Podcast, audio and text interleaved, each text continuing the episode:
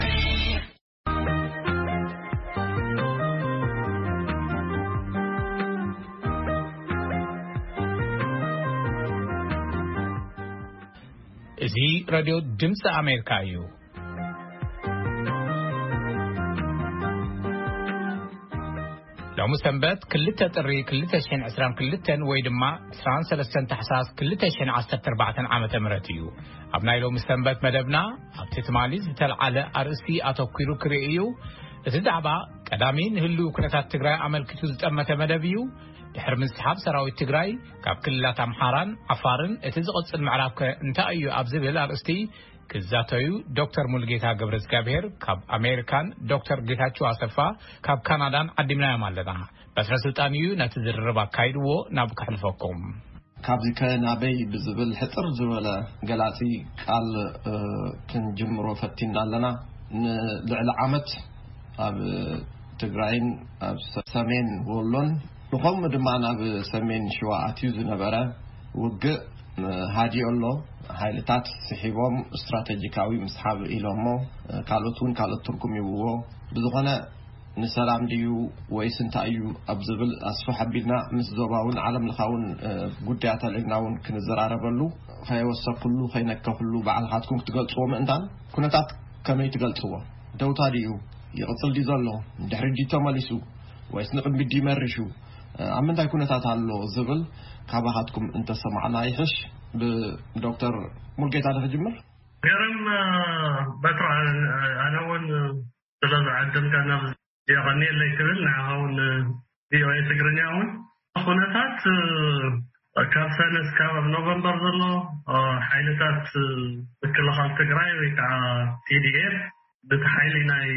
ኢትዮጵያ ይኹን ነቲ ሓይሊ ወራሪ ሓይሊ ናይ ኤርትራ ከምኡ ውን እቲ ናይ ኣምሓራ ምልሻ ፋኖ ደፊኦም ካብ ትግራይ ዘውፅኡሉ እሞ ሓደ ብራኸ ዝበፅሐሉ ናይቲ ናይ ቃልሲ ዓላማታት ብራኸ ዝበፅሐሉ ኩነታት ነይሩ ግን እቲ ኩነታት ንሱ ፖለቲካዊ ለውጢ ኣብ ምምጻእ እተጓድሎታት ነይርዎ ማለት እዩ። ትዕጽዋ ማለት እዩ። እቲ ህዝቢ ናብ ጥሜትን ናብ ደርቅን ስለ ዝነበረ ናይ ጥዕና መሳርሒ ቀረባት፣ ናይ ጥዕና ሳፕላይስ ቀረባት ዝተጓደሉ ስለ ዝኾኑ፣ ባንክታት ስለ ዝተዓጸዉ ኩሉ ጉዳይ ብዕጽዋ ኢልካ እትገልጾ ማለት እዩ ዘካትት ስለ ዝነበረ እሞ ንሱ ምስቲ ሓይሊ ድፍኢት ምግባር ምስኡ ተተሓሒዙ እቲ ለውጢ ክመፅእ ስለዘይከኣለ ዝቐፀሉሉ ማለት እዩ። እቲ ኹናት ቀፂሉስ ዓፋር ነኺኡ ኣምሓራ ክልል ሓሊፉ ከምኡ እውን ናብ ሰሜን ሸዋ ኸባቢ ደብረ ብርሃን ዝበፅሐሉ ኩነታት ተፈጢሩ ነይሩ። ኣብኡ ምስተበፅሐ እውን ግን እቲ ናይ ዕፅዋ ኩነታት ከይተቐየረ ተሪፉ። ፕረዚደንት ናብኡ ምምፃእ ብዙሕ ሳዕቤናት ከዓ ነይሮሞ። ብፍላይ ኣብቲ ኢንተርናሽናል ክንሪኦ ከለና ካብ መንግስቲ ኣሜሪካ፣ ካብ ናይ ኢሮፒያን ዩኒየን ካብ ኩሎም ድፍኢታት ዝመፀሉ ዓው ኢልካ ያው ናብ ኣዲስ ኣበባ ክትመፁ ኣይንደልየኩምን ካልኣይ ናይ ቀደም ቴስዓን ሓደን ብፈረንጂ ዝነበረ ዓይነት መንግስቲ ክተምፅዎ ንደልን ዝብል ጸቕጥታት ስለ ዝመጸ፣ ንዙይ ዝኸውን ግብረ መልሲ ኣይ ቲንክ ኣድላዪ ዝኾነሉ ኩነታት ተፈጢሩ። እቲ እቲ ኹናት እውን እቲ ወታደራዊ ጸቕጢ እውን እቲ ዕጽዋ ኣይመለሶን። ኦን ቶፕ ኦቭ ዛት ጸቕጥታት ናይ ዲፕሎማሲ ከዓ ሞር ተጸዓዓናይ ኮይኑ ኣብቶም ናይ ትግራይ ሓይልታት ማለት እዩ። ቅድሚኡ ኣብቲ መንግስቲ ኢትዮጵያ እዩ ነይሩ መብዛሕትኡ ጸቕጢ ናይ ዲፕሎማሲ። So I think እዚኤን ክልቲኤን ሪኡ ብሓደ ገፅ እቲ መንግስቲ ትግራይ I think ውሳነ ዝወሰነሉ ኩነታት ሪኢና ኣለና። ኣብ መንግስቲ ኢትዮጵያ እውን you know ናይ ባዕሉ ዝመስል ውሳነታት ዝወሰነሉ እሞ I think እቲ ኹናት ጠጠው ኢሉ ኣይበሃልን ምኽንያቱ ተርእዮታት ናይ ኲናት ስለ ዘለዉ ዝተፈላለዩ ከባብታት ግን ቁሩብ ህድእ ዝበለ ይመስል። ቤትታ ናይ ሰላም ኣንፈት እውን ቁሩብ ወጠነ እተጀመረትላ መንፈስ ወይ ከዓ ነፍሲ ዝዘረአህላ ኩነታት ዘላ ትመስል እሞ ተስፋ ይገብር ኣለኹ ኢሎም ኣኣ ክዓፅዋ ሕራይ የቐንየለይ ብዝርዝር ክንከዶ ኢና ከምቲ ዝጠቐስዎ ከም መእተው ክኾነና ግን ኩነታት ኣብ ምንታይ ኣሎ ዝብል ኢና ንርኢ ዘለና ፅቡቕ ተነኻኺፎም ኣለዉ ዶክተር ሙሉጌታ ዶክተር ጌታቸው የቐንየለይ ኣነ እውን በትረ ኣነ እዚ ኩነታት ብሓቂ ንምዝራብ ኣብ ምንታይ ኣሎ ኢልካ ንምፍላጥ ኣጸጋሚ እዩ ኢለ ልኣምን ብኣይ ምክንያቱ ናብ ኣዲስ ኣበባ ኣከባቢ በጺሖም ደብረ ብርሃን ኣከባቢ ላሃለዉ ብሓጺር ግዜ ደሞ ናብ ትግራይ ኣትዮም ማለት እዩ ብሓጺር ግዜ እና ሓሙሽተ ወርሒ ኣከባቢ ዝወድኦም ናብኡ ንክኸዱ ናብቲ ግን ክልተ ሰሙን እውን ዝወድኦም ኣይመስለንን እና እዙይ ንምንታይ ኮይኑ ከመይ ኮይኑ ኢልካ ካም ኣብ ደገ ዘለና ሰባት ንምንባብ ኣፀጋሚ እዩ እዛ ናይ ፃድቃን ነዚ ኤለፋንት ዝፀሓፋ ኣብኣ ግን ዝሃባ ነገራት ኣሎ ካልኦት እውን ተንተንቲ ዝብልዎ ዝነበሩ ኣነ እውን ዝኣምነሉ ዘይተጸበይዎ ነገራት ነይሩ። ሓደ እቲ ምንባብ ናይቲ ፖለቲካ ናይቲ ወጻኢ ጉዳይ ካብኡ ደሞ ብዓብዩ ደሞ ናይዘን ዕስለ ድሮን ማለት ድሮን መጀመርያ እውን ናይ ኩነት ኣንፈት ቀይረን ነይረን እየን ይፍለጥ ኢሱ ናብ ሽዑ ተጸበናዮ ነርና ኢሎም ስለ ዝነበሩ ድሓር ግን ን መፍትሒ ገይሮም መጺኦም ነይሮም ካብኡ ግን እቲ መፍትሒ እውን ኣይ ቲንክ ዝገደደ ብዕስለ ክበሃል ዝኽእል እየን ይሳተፋ ነይረን እና እሱ ብጣዕሚ ብዙሕ ነገር ዝቀየረ ይመስለን እና ምስ ፖለቲካ ተሓዋዊሱ ምዚ እውን በተለይ ደግሞ ነዊሑ ብጣዕሚ ነዊሑ ካብ እስካብ ደብረ ብርሃን ዘሎ ኪሎ ሜትር ክትወስዶ ከላ ከመይ እዮም እቲ ምግቢ ዘቕርቡ ከመይ እዮም ካልእቲ ዝመጋገብቲ ባዕሉቲ ሰራዊትን ኩናትን ኣፀጋሚ ዝኾነ ይመስለኒ እና ብኸምዚ እየ ዝሪኦ ምግማት ጥራሕ ኢና ንኽእል ኢለ ልኣምን። የቐንየለይ ዶክተር ጌታቸው እሞ እንታይ እዩ እወ ካብ ምግምጋምን ምትንታንን ክንሓልፍ ክንሰግር ኣይንኽእልን ካብታ ዶክተር ጌታቸው ዘልዓልዋ ክንቅፅለላ እሞ ጀነራል ፃድቃን ክልተ ነገራት ጠቒሶም እዮም ፖለቲካውን ዲፕሎማስያውን ባይታ ኣይሰራሕናሉን ወይ ከዓ ኣይሓገዘን። ካብኡ ዝሰገረ ድማ እዘን ዝተባህላ ዕስለ ድሮን እውን ኣሉታዊ ፅልዋ ኣየሕደራን ክንብል ኣይንኽእልን ኢሎም። እሞ ኣብታ ፖለቲካውን ዲፕሎማስያውን ስራሕቲ እሞ ነትኩር እንታይ እዮም ክብሉ ደልዮም ኣብኡ እንተለዉ ዶክተር ጌታቸው? ካልኦተን ገዲፍና እተን ኣሜሪካን ኣውሮፓን ተወሰድና እየን። ለምሳሌ ናይ ትግራይ ሓይሊ እንታይ እዩ ዝደሊ? ኢሉ ካብ መጀመርያ ይሓትት ነይሩ ናይ ትግራይ ሓይሊ ደሞ ብናተይ ረዲኤት ካብተን ለምሳሌ እዚ ናይ ህዝብና ጥምየት ወይም እዚ ዕፅዎ ከነኸፍት ኢና ካብ ምባል ሓሊፉ እዚ ኢና ንደሊ ክብሉ ኣይከኣሉን ህዝቢ ትግራይ በተለይ ኣብዚ ደገ እውን ዘሎ ሓደ ዓብዩ ዝሓቶ ሕቶ እዩ ነይሩ እንታይ እዮም ዝደልዩ ዝብል ማለት እዩ ሕዚ ብኣውሮፓ ሻናኽ ትርኢ ተለኻ መጀመርያ ኣከባቢ ይዛረቡ ነይሮም በቃ እዚ ቆመ ኣሎ ገለ ኢሎም ብዙሕ ነገር ይገብሩ ነይሮም ድሓር ገዲፎምዎ ንምንታይ እዮም ገዲፎምዎ እዚ ብደንቢ እቲ ኩነታት ዝከታተሉ ሰባት ኣነ እውን ዝኣምነሉ እዚ ናይ ሱዳን ምስ ተዓፀወ ብምዕራብ ትግራይ ናብ ሱዳን ዝኸድ ስደተኛ ተሰዲዱ ዝኸድ ትግራዋይ ቆይሙ ማለት እዩ ኣዚ ተገደደ ታብ ሱዳን ዝኣተ እዩ ትጸገም ክኾኖም ደኸል ኣውሮፓ ኣም ትፈልጦ ንኣውሮፓ ብጣዕሚ ወሳኒ ድሕሪ ዩጎዝላቪያ ዘለዎም ልምዲ ወሲዶም ስደተኛ ናብ ዓዶም ናብቲ ኣውሮፓ ሕብረት ከይኣት እዮም ዝፈርሑ እና ስድራይ ሰለስተ ሚልዮን ዝነበራት ዩጎዝላቭያ ሓደ ሚልዮን ናብ ኣውሮፓ ክብተን ከሎ ብጣዕሚ እዮም ደንጊፆም ብጣዕሚ እዮም እቲ ኩነታት ብጣዕሚ ዓብዪ ትኩረት ሂቦምዎ ማለት እዩ ሕዚ ኢትዮጵያ ማለት ደሞ ሚእቲ ዓሰርተ ሚልዮን ዘለዋ ዓዲ እያ እና እዚ ናይ ስደተኛ ነገር እዩ ብጣዕሚ ዘሕስቦም እና ምዕራብ ትግራይ ግን ብናይ ኤርትራን ብናይ ኣምሓራን ብናይ ኢትዮጵያን ሓይሊ ምስ ተተሓዘ ታይ ገይሩ እቲ ስደተኛ ናብኡ ከይኸድ ገይሮምዎ ኣውሮፓ እውን ያው ቢያንስ እቲ ፀገሙ ንግዚኡ ተፈቲሑሎም ማለት እዩ ናይ ኣሜሪካ ክትወስድ ከለኻ ንትግራይ ሓይሊ በተለይ ንቲ ዋና ናይ ትግራይ ሓይሊ ዋና ዝኾነ ናይ ሕውሓት ሓይሊ ዝርእዩሉ መንገዲ ምስቲ ኢኮኖሚ ምስቲ ዝነበሮ መለኻኽታ ናይ ናይ ፖሊሲ ነፃነት ብዙሕ ነገራት ኣሎ ያው ዝፍለጥ ነገራት ማለት እዩ ምስኡ ዘይፈትይዎ ነገር ኣሎ ልውን እዩ ሃምዚ ዶክተር መግዜታ ዝበሎ ናይ ተሰሓደ ከይድገም ከይተኣትዉ ገለ ዝብል እና እዚታት ዘንበብዎ ኣይመስለንን ህዚ ንፃርቃን ናይ ፃርቃን ዝርደአና ኣየንበብዎን ብደንቢ ወይም ደሞ ተረዲኡና ኢሎም ያው ስቕ ኢሎም ከይዶም ነይሮም ኢለ ንኣምን ሓደ እሱ እዩ ካልኣይ ኣብቲ ናይ ሰብኣዊ ትሪኦ ተለኻ ብዙሕ ተደፊኡ ነይሩ እዩ መጀመርያ ኣካባቢ ለምሳሌ ምዕራብ ትግራይ ናይ ምፅናት ዓሌት ምሕፃብ ዝብል ካብ ስቴት ዲፓርትመንት ወፂኡ ነይሩ እዩ ናብ ደሓር ግን ገዲፎም ወስድዎን እና እሱታት እዚ ኣብዚ ናይ ዓለም መድረኽ እውን እቲ ዲፕሎማሲ ላቀየረ ከም ዝኸደ እቲ ዝኸደሉ መንገዲ ዝኸደሉ ፍጥነት ዝኸደሉ ዓይነት ከም ዝተቐየረ ዝተረድእዎ ይመስለኒ ትኽሎ ኢሎም ናይ ትግራይ ሓይልታት ማለት እዩ እና ብከምዚ ዘንብቡ ናይ ጀነጠርና እዚ ዘንበብዎ ኣይመስለንን ይብሉ ኣለዉ ዶክተር ጌታቸው ኣየንበብዎን ድዩ ወይ እቲ ዓለማዊ ኩነታት ድዩ ባዕሉ ዝቀያየር ዘሎ ብስሩኸ ንኩነታት ትግራይ ዓለም ክርድኦ ድዩ ክቕበሎ ድዩ ዝተፈለየ ገምጋምስ ክህልዎ ድዩ ዝብል እንታይ ምበሉ ዶክተር ሙልጌታ እቶም ዋና ኣክተራት ወይ ከዓ ተፃወቲ ኣብዚ ናይ ዓለም ዲፕሎማሲ ነቲ ከባብስ ሓደሽቲ ኣይኮኑን እና ኣይተረድእዎን ንምባል የሸግረኒ እዩ። ንነዊሕ ግዜ ኣብቲ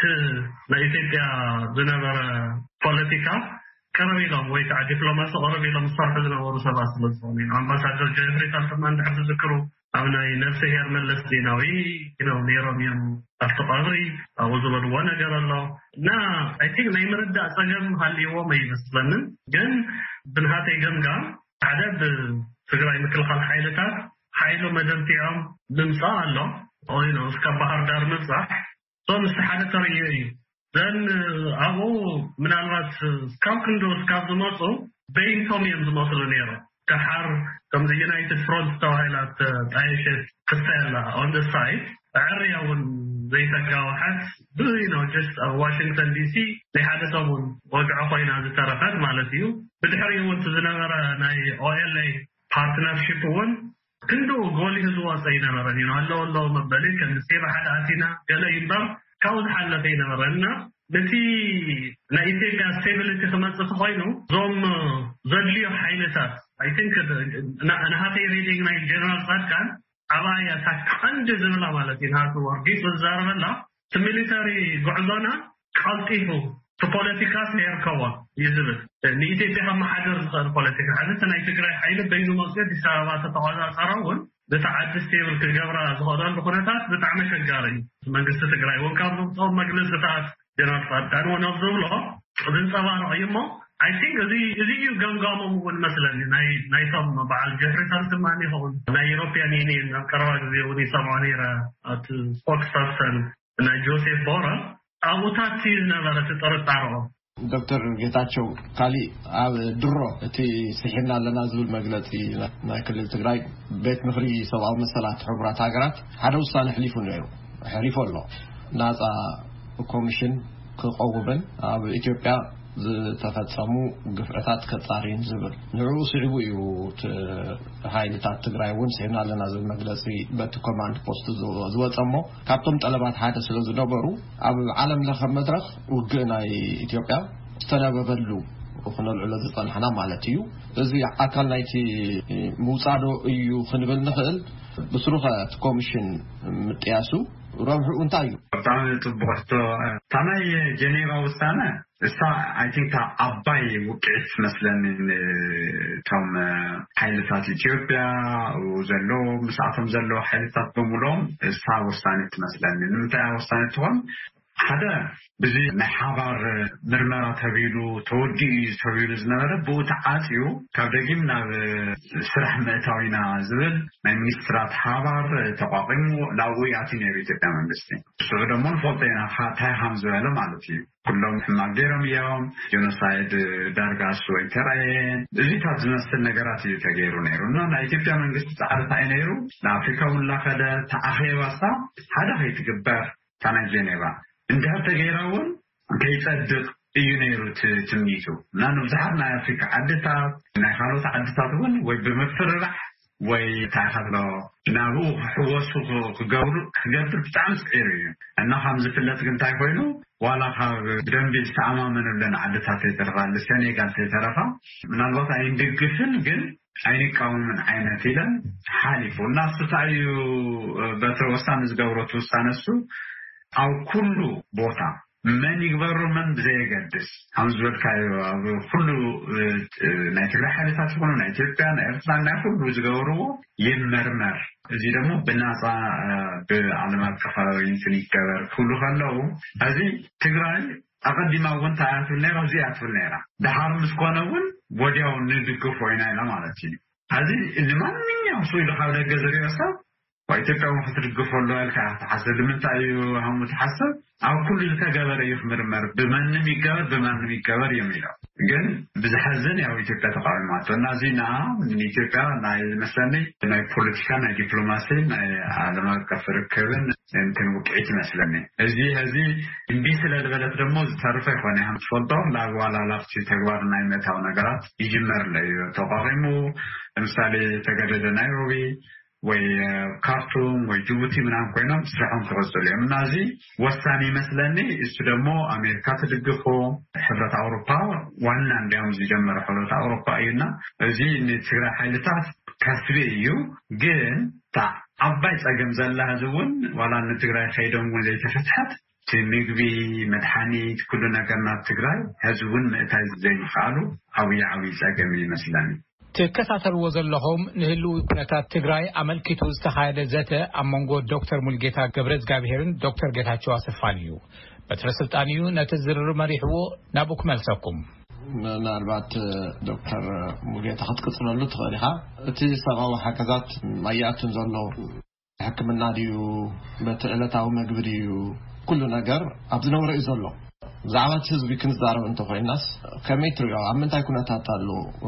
ኢልካ ትሓስብ ኣብዚ ሰዓት እዚ ናይ ትግራይ ኩነታት ብፅዕንቶኣ ምኽንያት ማለት እዩ ኣብ ሽግር እዩ ዘሎ ኣጋጣሚ ኮይኑ ዴታ ይእክብ እየ ኣነ ብዛዕባ ኣብ ጥዕና ብፍላይ ሰንከፍ ኣብ ሂማኒቴርያን እውን ዝተወሰደ ደረጃ ዝፀሓፍናዮ ኣሎ ጆይንትሊ ምስ ፕሮፌሰር ሙልጌታ ኣፈወርቅ ዓይደር ዩኒቨርሲቲ ዘሎ ብዛዕባ ኣኪዩት ማልኒትሪሽን ዝፀሓፍናዮ ፔፐር ኣሎ ናብ ላንሰት ግሎባል ሄልዝ ዝሰሚ ዝገበርናዮ ማለት እዩ እና ኣብኡ ክትሪኦ ከለኻ እቲ ዴታ ብዙሓት ጣብያታት እየን ሰርቨይ ተገይረን This was probably the first survey ኣብ ቆልዑ ኣኪት ማልኒትሪሽን ሜዥር ንምግባር ዝተገበረ the first survey ድሕሪ ፖስት ዎር ማለት እዩ እና ኣብኡ ክትሪኦ ከለካ ብጣዕሚ ጥሉቅ እዩ ሽግር እና እዋን ኢና ንሕና እውን ኣክቹዋሊ ኤክስፐዳይትድ ሪቪው ኢና ሓቲትና ነርና ቢኮዝ እቲ ዴታ ክዘርእዮ ኢሚዴት ኢንተርቬንሽን ተዘይተገይሩ ኢሚዴት ዝኾነ ናይ ዓለም ምትሕብባር ተዘይተገይሩ ሽግር ከምፅእ ከምዝኽእል ሕዚ ጥራይ ዘይኮነስ ዘላቕ እዞም ቆልዑ ዩ ማልኒትሪሽን ማለት ኣብ ፓብሊክ ሄልት ዝነጥፍ ሰብ ኣብ ሄልት ዝነጥፍ ሰብ ደንቢ ከምዝርድኦ ንቲ ሕዚ የቕጥነካ ይሕምመካ ንዘላቒ ግን የእምሮኻ ብዝደልዩ ደረጃ ስለዘይዓቢ ኣብ ቀጻላይ ሂወትካ ውን ዘምጾ ዓበይቲ ሽግራት ኣሎ እሞ እዚኦም ኣመልኪትና ዝጸሓፍናዮ ነገር ኢዩ ትሽግራት ኣብኡ ውን ክትርእዮ ከለኻ መን ኢዩ ዝከላኸሎ ዘሎ ቀልጢፉ ፓብሊሽ ንኸይግበር ኤክስፐራይትድ ረቪው ከይንረክብ እቶም ናይ ኣብይ ኣሕመድ ደገፍቲ ኢዮም ምክንያቱ ዝኾነ ዴታ ናይ ኢትዮጵያ ኣምጺኻ ፓብሊሽ ክትገብር ክትፍትን ከለኻ ሓደ ቦታ ዝልእኽዎ ካብ ሚኒስትሪ ኦፍ ሄልዝ ናይ ኢትዮጵያ ዘለዉ ክኢላታት እዮም ዝሓቱ ይደፍእዎ ኣለዉ ማለት እዩ። እዚ ጌጋ እዩ፣ እዚ ሓሶት እዩ እናበሉ ፖለቲካዊ ዝኾነ ትሕዝቶ ንኽህልዎ ይገብሩ ኣለዉ እና ኣይ ቲንክ እቲ ጥልቀትን ገፍሕን ናይቲ ሂማኒቴርያን ክራይሲስ ኢዝ ሶ ዳየር ከምኡ እናሃለዎ እውን እዩ ኣይምን ዝኩሉ ኣይምን ብጣዕሚ ብሬቭ ወይ ከዓ ኣይምን ነው ትራክፉል ዝኾነ ዲሲዥን ወሲድካ ናብ ትግራይ ቦርደር ምምላስ ዘድልየሉ ኢሪስፔክቲቭ ኦፍ ዲስ ዳየር ሲቹዌሽን እዩ ዝብል እምነት እዩ ዘለኒ እና ዓወታት ኣይ ቲንክ ዩ ኖው ስትራተጂካሊ ከሲ ተዘይህልዎ ነይሩ ናብ ከምኡታት ንምኻድ መይቢ ምተሰከፉ ይነብሩ ዝብል እምነት እዩ ዘለኒ ኣኔለይ። ዶክተር ጌታቸው ኣብዚ መስርሕ እዚ እቲ ሓደ ወገን ዝሰርሐሉ ምዕራብ ትግራይ ካይት ብኡ ከባቢ ዘሎን ከምኡውን ራያ ናይ ክልል ኣምሓራ እዩ ዝብል መበገሲ ሒዞም ኣብቲ ውግእ ከምዝኣተው እውን ዝዛረቡ ኣካላት ኣለው። ስለዚ ናብ ሰላም ገፅ ሰራዊት ትግራይ ምውፅኡ፣ ፌደራል መንግስቲ ሰራዊቱ ንሰሜን ገፅ ከይምርሽ ጠጠው ምባሉ ምስቲ ዝፀንሐ ሕቶ ዘልዐልኩዎ ማለት እዩ ናይ መሬት ይግባኣኒ እዩ ዝብል መፍትሒ ክሳብ ዘይረኸበ መልሲ ክሳብ ዘይረኸበ እቲ ውግእ ጠጠው ኢሉ ዶ ምባል ይከኣል ዘይባርዐሉ ምክንያት ዶ ክህሉ ይኽእል ዝብል ሕቶ እንተመፀስ እንታይ ምብሉ ዶክተር ጌታቸው? ኣነ ያው ጩግ ምንም ጠጠው ኣይበለን ኢለ እየ ዝኣምን ምክንያቱም ሓደ ዋላ ዝኾነ ዓይነት ናይ ሰላም መስርሕ እንድሕር ሃልዩ መጀመርያ ክኾን ዘለዎ ኢለ ዝኣምን ቅድሚ እቲ ኲናት ምጅማሩ ናብ ዝነበረ ክምለስ ኣለዎ ኩነታት ለምሳሌ ምስ ዝበልካዮ ናይ ምዕራብ ትግራይ ዋላ ብኢሮብ ኣከባቢ ደሞ ብኤርትራ ሓይልታት ዝተትሓዘ ቦታታት ብምሉኦም ኣብዚ ናይ ትግራይ ሓይልታት ሙሉ ብሙሉ ናብ ትግራይ መሊኦም ክኣትዎ ኣለዎም እንድሕር ዘይኣትዮም ኦሮማይ ማለት እዩ ተኻሊእ ሓይልታት ደሞ ካብ ትግራይ ክወፅእ ኣለዎ እና ኣብኡ እሱ እንድሕር ዘይኮይኑ ኩናት ደው ኢሉ ኢልካ ምቕባል ኣፀጋሚ እዩ እቲ ናይ ትግራይ እውን ፃውዒት ዝመስለኒ እና ደሓር እውን ናይ ስቴት ዲፓርትመንት ኣስትማል እውን ይዛረብ ነይሩ ብሊንከን ኬንያታ ደው ኢሉሉ ኢሉ ይዛረብ ነይሩ ኔድ ፕራይስ ማለት እዩ እና ኣብኡ ከዘልዐሎ እንታይ እዩ እቲ ሆስቲሊቲ ክቆም እዩ ዝብል ካብኡ ደሞ ኣንፈሰድ እዚ ኩሉ ግዜ ዝብሃል ምንም ገደብ ዘይብሉ ናይ ሰብኣዊ እርዳታ ክኣቲ ኣሎዎ ካብኡ ደሞ ብሰላም ክፍታሕ ኣሎዎ ዝብል እዩ እና ኩናት ደወ የበለን ህዝቢ ውን እንድያም ኮዝ ኣብቲ ናይ ጻድቃን ኣውታይ ኢሉ ለምሳሌ ንናይ ኢትዮጵያ መንግስቲ ምስ ኤርትራ ኮይኑ ብምዕራብ ብምስራቅ ብስደቡብ እና ፈቲኖም ነይሮም እዮም ቅድሚ ኖቨምበር ኣርባዓተ ክልተ ሽሕን ዕስራን ዝነበረ ኣቆጻጽራ ኣውሮፓ ኩነታት ክምለሰሎ ካልኣይ ደሞ እቲ ወሳኒ ነገር ሕዚ እውን ለይተመለሰ ዝበልናዮ ቆልዑ ይጠሚ ኣለው፣ ቤታት ሕክምና ስኢነን፣ ሕሙማት መድሓኒት ስኢኖም ይሞቱ ኣለው እና እዙይ ደሞ ስብልካ እዚ ኣይ ዓፂናስ ህዝቢ ትግራይ ምስቲ ሓይልታት ትግራይ ዘለዎ ርክብ በዓሉ እስካብ ልፈትሕ እስካብ ዝፈላለ እስካብ እሱ ዝደፍኦም ዝነፅጎ በቃ ሓፂርና ክኸደው ክንብል ኢና ዝብል ኣነ ዝርደኒ ስብልካ ወንጀል ምዃኑስ ወይ ዘይምፍላጥ ወይም ደሞ ፈሊጥካ በቃ ለምጸ ልመጸ ይምጻእ ዓይነት ኢልካ ምኻድ ኢለ ዝኣምኖ እና ኩናት ደው ኣይበለን ደው ክብል ኢለ ኣይኣምንን። እሞ ዶክተር ሙልጌታ መንግስቲ ኢትዮጵያ ሰራዊቱ ኣብ ዘለዎ ጠጠው ክብል ኢሉ ወሲኑ እዩ። እዚ ኣብ ኸይዲ እቲ መስርሕ ሰላም ኣወንታዊ ተራ ዶ እዩ ዶ ክንብል ንኽእል? ተኹናት ጠጠው ኣይበለን ይቐፅል ኣሎ እዩ ምዕራብ ትግራይ ንሰምዕ ኣለና ኩናት ይካየድ ኣሎ ካብኡ ዝሓለፈ ግን እቲ ደብዳብ ናይ ኣየር ኤርስትራይክ ድሮን ስትራይክ ይቐፅል ኣሎ ካብኡ ዝዓበየ ኩናት የለን ህዝብና ስቲል ይጉዳእ ኣሎ ናይ ኣላማጣ ማሳከር ኣሎ እዚ ናይ ኣብ ዓላ ማሳከር ኣሎ እና ኣይ ቲንክ ካብኡ ሓደ ዓይነት ገምጋም እዩ ዘለና። ዶክተር ጌታቸው ሃገራዊ ኮምሽን ቤት ምክሪ ምምክኻር ዝበሃል ብቤት ምክሪ ኢትዮጵያ ዝቆመ ማለት እየ ኢትዮጵያ ትመርሖ መስርሕ ሰላም ምምኽኻር እውን ክጅመር ኣለዎ እዩ ዝብል ነይሩ ዓለም ልዝብ ሰላም ማለት ንሱ ድዩ እቲ ዓለም ዝደልዮን ኩናት ናይ ኢትዮጵያ ዝፈትሕን እዚ ቤት ምክሪ እዚ ኮሚሽን ይቕረታ እዚ ኮሚሽን እዚ ክፈትሖ ዶ ይኽእል እዋናዊ ጸገም ናይ ኢትዮጵያ ዝብል ብሕልፊ ምስቲ ኲናት ተኣሳሲሩ እየ ዝሓትት ዘለኹ እሞ እዋናዊ ድዩ እቲ ውሳነ ቅድሚ ኩሉ እቲ ቤት ምኽሪ ኢትዮጵያ ዝወሰኑ ካልኣይ ይፈትሖ ዶ ንቲ ጸገም ብሓጺሩ ንምምላስ ኣይፈትሖን ምንም ኣይራኸብን ኢለ እየ ዝኣምን ሓደ ተስታውሱ ተኾንኩም ናይ ድንበ ወሰንን መንነትን ኮምሽን ዝበሃል ነይሩ ተቋቒሙ እናሽዑ መንግስቲ ትግራይ ብጣዕሚ ኣትሪሩ ተቓዊሙ። ንምንታይ ኢሉ ህገ መንግስቲ እባ ብፌደሬሽን ምክር ቤት እዩባ ዝውሰን ገለ ምናምን ኢሎም ተቓዊሞም እሞ እና ጌታቸው ረዳ ይመስለኒ ኣብ ዝኾነ ኢንተርቪው ክናገር ሰሚዐዮ ንበይኖም ፀዊዕዎ ናይ ሕወሓት ኣመራርሓ ማለት እዩ ንበይኖም ፀዊዑ ንምንታይ ኢኹም ዓው ተብልዎ እዚ ምንም እኮ ዝቅየር ነገር የለ እቲ ኮምሽን ንባህርዳር ኣከባቢ ዘለው ሓይልታት ሱቅ ንምባል ኢለ እየ ስበለ እኮ ቀንዩ እምበር ምንም ዝግበር ነገር የለ ኢልዎ ማለት እዩ እዚ ንኣይ ዘረደኣኒ ፍሉ ንዝኮነ ጠለብ ንምርካብ ንዝኮነ ንምሕጓስ ኢልካ እምበር እቲ ብድሕሪኦ ኣሎ ዝብሃል ወይ ኣብቲ ባይታ ኣሎ ዝብሃል ፀገም ንምፍታሕ ክሰርሕ እዩ ኢለ ኣይኣምንን። ዶክተር ሙልጌታ ኣብ እንታይ ተስፋኹም እንታይ ክኸውን እዩ ዝብል እዩ ማሕበረሰብ ዓለም እንኳዕ ህደእኹም እሞ እንኳዕ ጠጠው በሎ ኩናት እንኳዕ ሰሓብኩም እንኳዕ መንግስቲ እውን ጠጠው በሎ እዩ ዝብል እስኻትኩም ከም ውልቀ ሰብ ዶክተር ሙልጌታ ሕፅር ኣቢልካ ኣብቲ መስርሕ ዘለኒ ተስፋ ብዙሕ ኣይኮነን ማለት እየ ብሓፈሽኡ ግን እንታይ እዩ ተስፋኻ ክትብለኒ ከለኻ ምናልባት እዛ ብኦባሳንጆ ትምራሕ ኬንያ እውን ካልኦት ናይ ኣፍሪካ ዓድታት ዊዝ ፉል ኢንዶርስመንት ካብ ኣሜሪካ ካብ ኢሮፕያን ዩኒየን ካብ ካልኦታት ተጀሚራ ዘላ ናይ ልዝብ ከይዲ ጠቃሚት መገዲ ክትኮነልና እያ ዝብል እምነት እዩ ዘለኒ ብፍላይ ብፍላይ ኣቦሳንጆ እውን ንትግራይ ከይዱ ተዘራሪቡ እሞ ከዓ ናይ ትግራይ ሓይልታት ናይ ትግራይ መንግስቲ ነቲ ኮንዲሽንስ ንዕኡ ዝምጥኑ ኮንዲሽንስ ምቕባሉ and then on top of that እቲ ባዕሉ እቲ መስርሕ እውን እቶም ትግራይ ትጠልቦም ሕዚ ብፍላይ ናይ ህይወትን ሞትን you know ዛዕባ ዘለዉ እቲ ዕፅዋ ኣሎ እቲ black out ኣሎ logistically እውን ተሓሲብካዮ እናጠመኻ መብራህቲ ዘይብልካ ስልኪ ዘይብልካ ናይ communication መሓውር ዘይብልካስ ከመይ ጌርካ ኢኻ ኢኻ ናብ ህዝቢ ክትኣቱ ክትዘራረብሲ ዘኽእል እውን ኣይኮነን እቲ ኩነታት ብጣዕሚ ሂማኒታርያን ካታስትሮፍ ኢልና ንሳ እውን ኣይ ቲንክ ብዝተወሰነ ደረጃ ተረዲኦማ ኦልሞስት ናይቲ ፖለቲካል ናይቲ ልዝብ ፕሮሰስ ኣካል ከይኮነስ ቅድሚኡ ዝመፅእ ኦልሞስት ከም ፕሪኮንዲሽን ገይሮም ዘቕርብሉ መስርሕ ንርኢ ስለ ዘለና ንሳ ኣይ ቲንክ ከትሊ እያ ክትከውን ንመንግስቲ ትግራይ ንህዝቢ ትግራይ ኣብኣ ደንፊዕኻ ምስራሕ ብፍላይ ኣብ ኣድቮኬሲ ዲፕሎማሲ ገለ ዝነጥፍ ብምሉእ ሓይሊ ኣብዚኣ ዓሲሉ እዚኣ ትርጉም ዘለዋ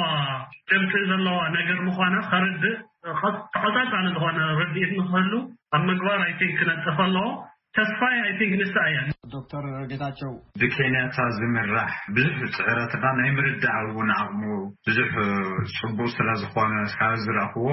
ለምሳሌ ናብተን ዓረብ ዓድታት እውን ሎክ እናለኣኸ ብድሕሪት ማለት ብዙሕ ዘይዝረቡ ነገራት ይገብር እዩ ኬንያታ እና ታይ ትምነ ተይልካኒ ክልተ መስመራት ክተፈደን ክኸዳ ይምነ ሓዲኡ ሰላም ድርድር ንበይኑ ናይ ምግቢ ናይ መድሓኒት ደሞ ካብ ድርድር ውጪ ካብ ገዛእ ውጪ በቃ ብዝኾነ ሓይሊ ተደፊኡ ሀዚ ብጣዕሚ ህጹጽ ኽኾን ኣሎ እሱ ተኾይኑ ኽርኤ ይምነ ማለት እዩ እዚ ናይ ሰላም ድርድር ደሞ ናይ እማን ክኾን ኣሎ ኢለ ይኣምን ናይ እማን ማለት ታይ እዩ ሀዚ ዋላ ናይ ትግራይ ሓይልታት በተለይ እቲ ናይ ፖለቲካ ኣመራርሓ በቃ ሓዲገየ ሓዲገየ ኢሉ ምናምን ክስማማዕ ኣይምነን ኣነ ምክንያቱም እቲ ዝተፈጠረ ጸገም ብጣዕሚ ብጣዕሚ ዓሚቁን ዝገርምን ንምርዳእ ውን ዝጽገም ኢዩ በቲ ዘለና ኣእምሮሲ ንምንታይ ከምዚ ኮይኑ ኣብ ህዝቢ ትግራይ ኢልካ ክትርዳኦ ብጣዕሚ ምፍታን እስካብ እዚ ኣይኮነይ እና እዚ ብደንቢ ኢዩ ኣብቲ ድርድር ክኣቲ ዘለዎ። መስርሕ ሰላም እንድሕር ክልቲኦም ወገናት ናብ ልዝብ እንድሕር ደኣ ቀሪቦም፣ መንግስቲ ትግራይ ወይ ከዓ ክልል ትግራይ ናብ ልዝብ ቅድሚ ምቕራቡ ወናኒ እቲ መስርሕ ዶ ክኸውን ኣለዎ፣ በይኑ ዶ ይምርሓዮ፣ መን ይሳተፍ ኣብ ዝብሉ ሕቶታት ዝሰማዕናዮ እኳ ኣብ ትግራይ ዘለዋ ሰለስተ ተቓዋምቲ ውድባት ንሕና እውን ክንሳተፍ ኣለና ዝብል ሕቶ ከም ዘቕረቡ ሓበሬታ ረኺብና ኣለና እሞ ዶክተር ሪታ ኣርእስቲ ሓቂ እዩ ካልእ መዓልቲ ክንምለሶ ንኽእል ኢና ግን ንሎሚ ከመይ ክቕፅል ዘለዎ ዶክተር ሙልጌታ። Usually ዕስለ ኮይንካ ኣይኮንካን ትኸድ ናብ ሓደ ልዝብ ብ መርሓ ከድልየካ እዩ ኣጋጣሚ ኮይኑ ናይ ታሪኽ ኣጋጣሚ ኮይኑ እቲ ብ ህዝቢ ዝተመረፀ መንግስቲ ኣሎ ብ ትግራይ ነቲ መንግስቲ ንዚ ሰላም ፕሮሰስ ዝኸውን ዝላዘብ ኮሚሽን